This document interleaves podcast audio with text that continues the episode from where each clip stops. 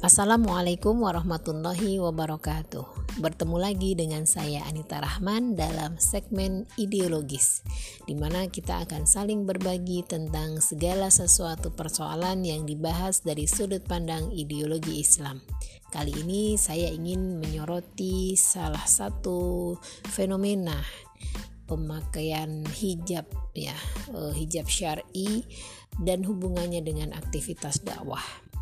Kalau kita perhatikan hari ini menggunakan hijab syar'i sudah menjadi pemandangan yang biasa.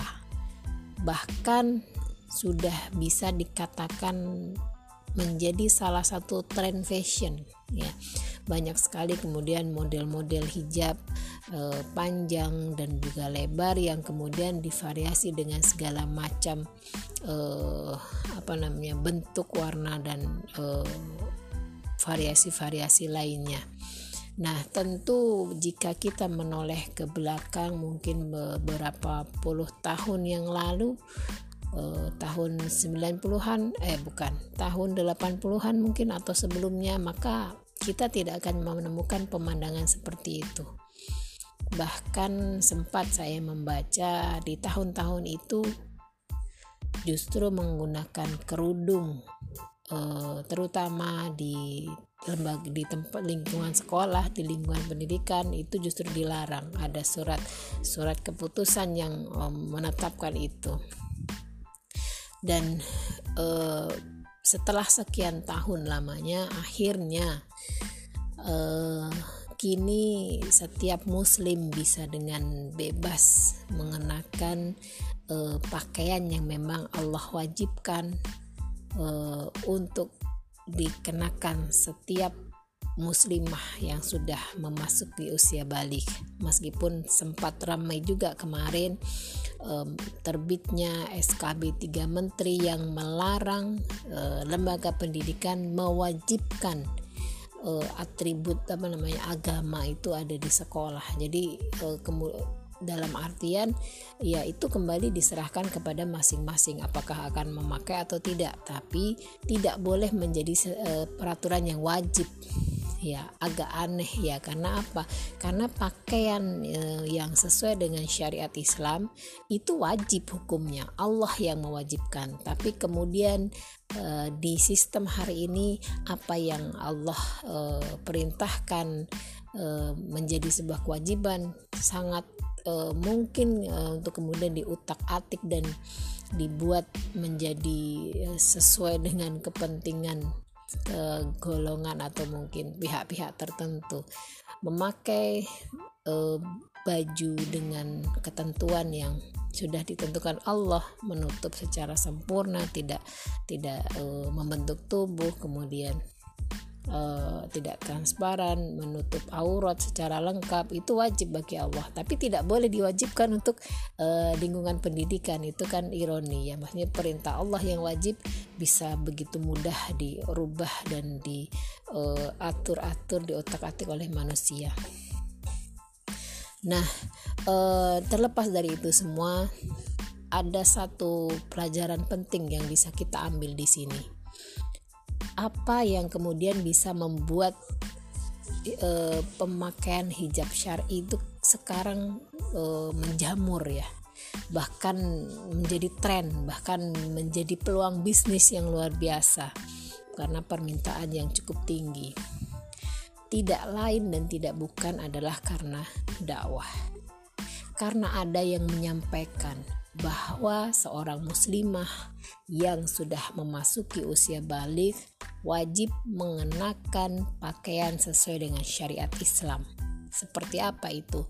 Sebagaimana Allah eh, berfirman dalam Quran surat Al-Azab ayat 59 eh, bahwa baju itu adalah eh, seperti baju kurung yang terusan ya, tidak tidak ada potongan, kemudian tidak membentuk tubuh alias longgar, tidak transparan. Kemudian untuk penutup kepala ya, penutup kepala atau bahasa uh, Arabnya adalah khimar ya. Itu tertuang di dalam Quran surat An-Nur ayat 31 harus menjuntai sampai menutupi dada. Nah, ada yang menyampaikan itu ada sekelompok eh, se, se orang-orang yang memang peduli dengan apa namanya dalam beramar ma'ruf nahi mungkar mengajak kepada kebaikan mencegah kepada kemungkaran menyampaikan bahwa ini loh pakaian yang benar sesuai dengan syariat Islam yang Allah perintahkan untuk dikenakan kita sebagai seorang muslimah.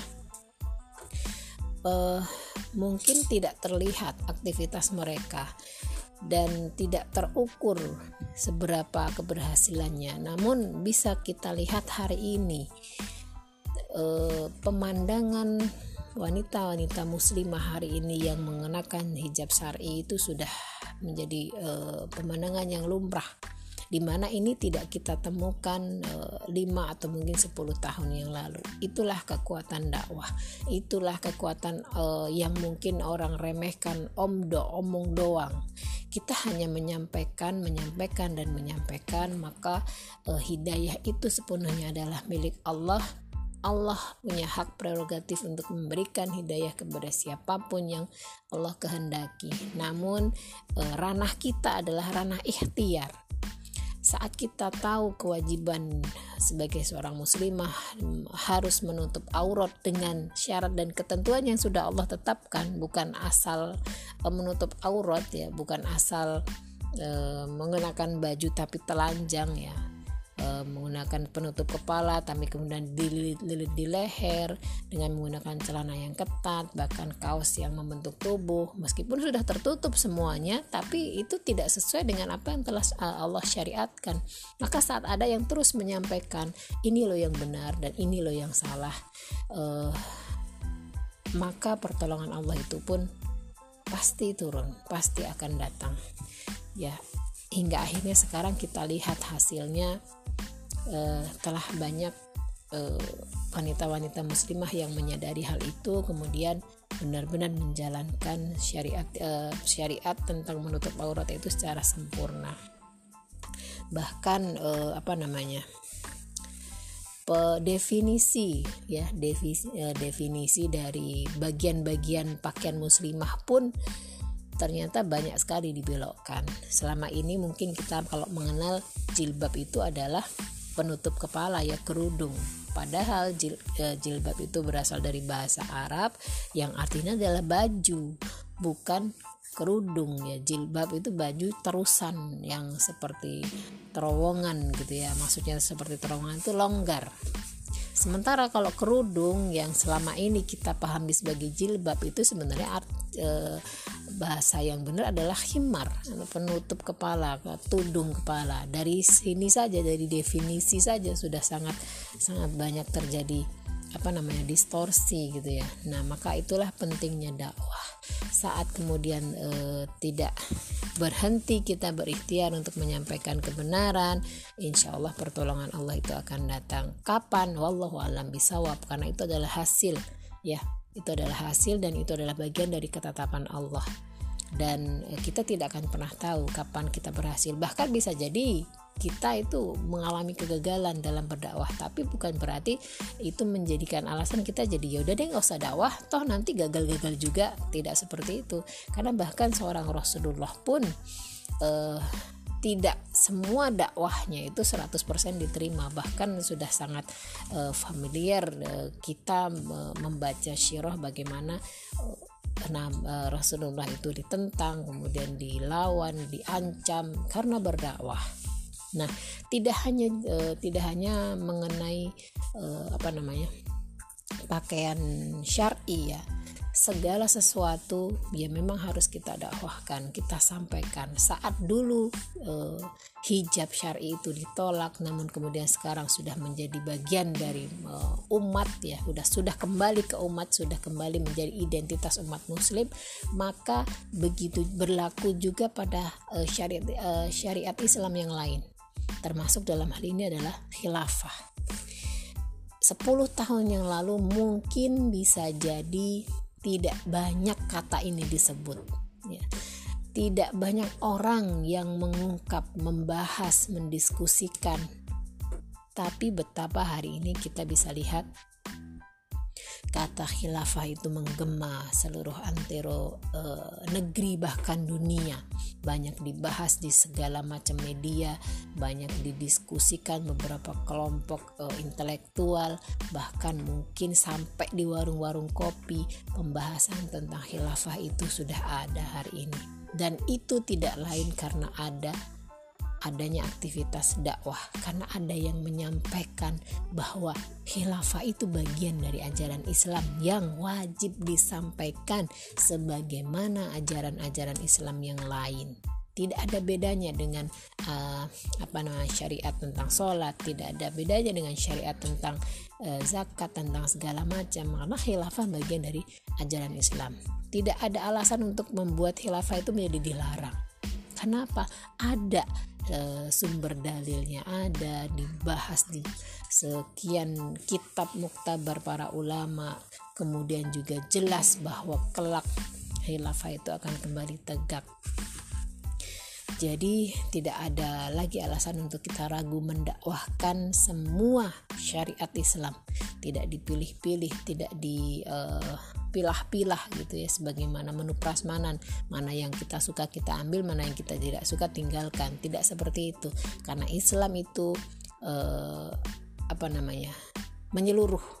Islam itu sempurna Islam itu lengkap Islam itu tinggi dan tidak ada yang lebih tinggi dari itu maka kita sebagai seorang muslim harus bangga dan harus punya uh, pemahaman bahwa segala sesuatu yang berasal dari Islam, segala sesuatu yang berasal dari Allah itu benar, itu baik dan itu wajib untuk disampaikan kepada umat. Saat dulu uh, hijab syar'i uh, ditolak tapi kemudian akhirnya hari ini diterima, dikembalikan lagi ke umat, itu karena dakwah, maka begitupun khilafah.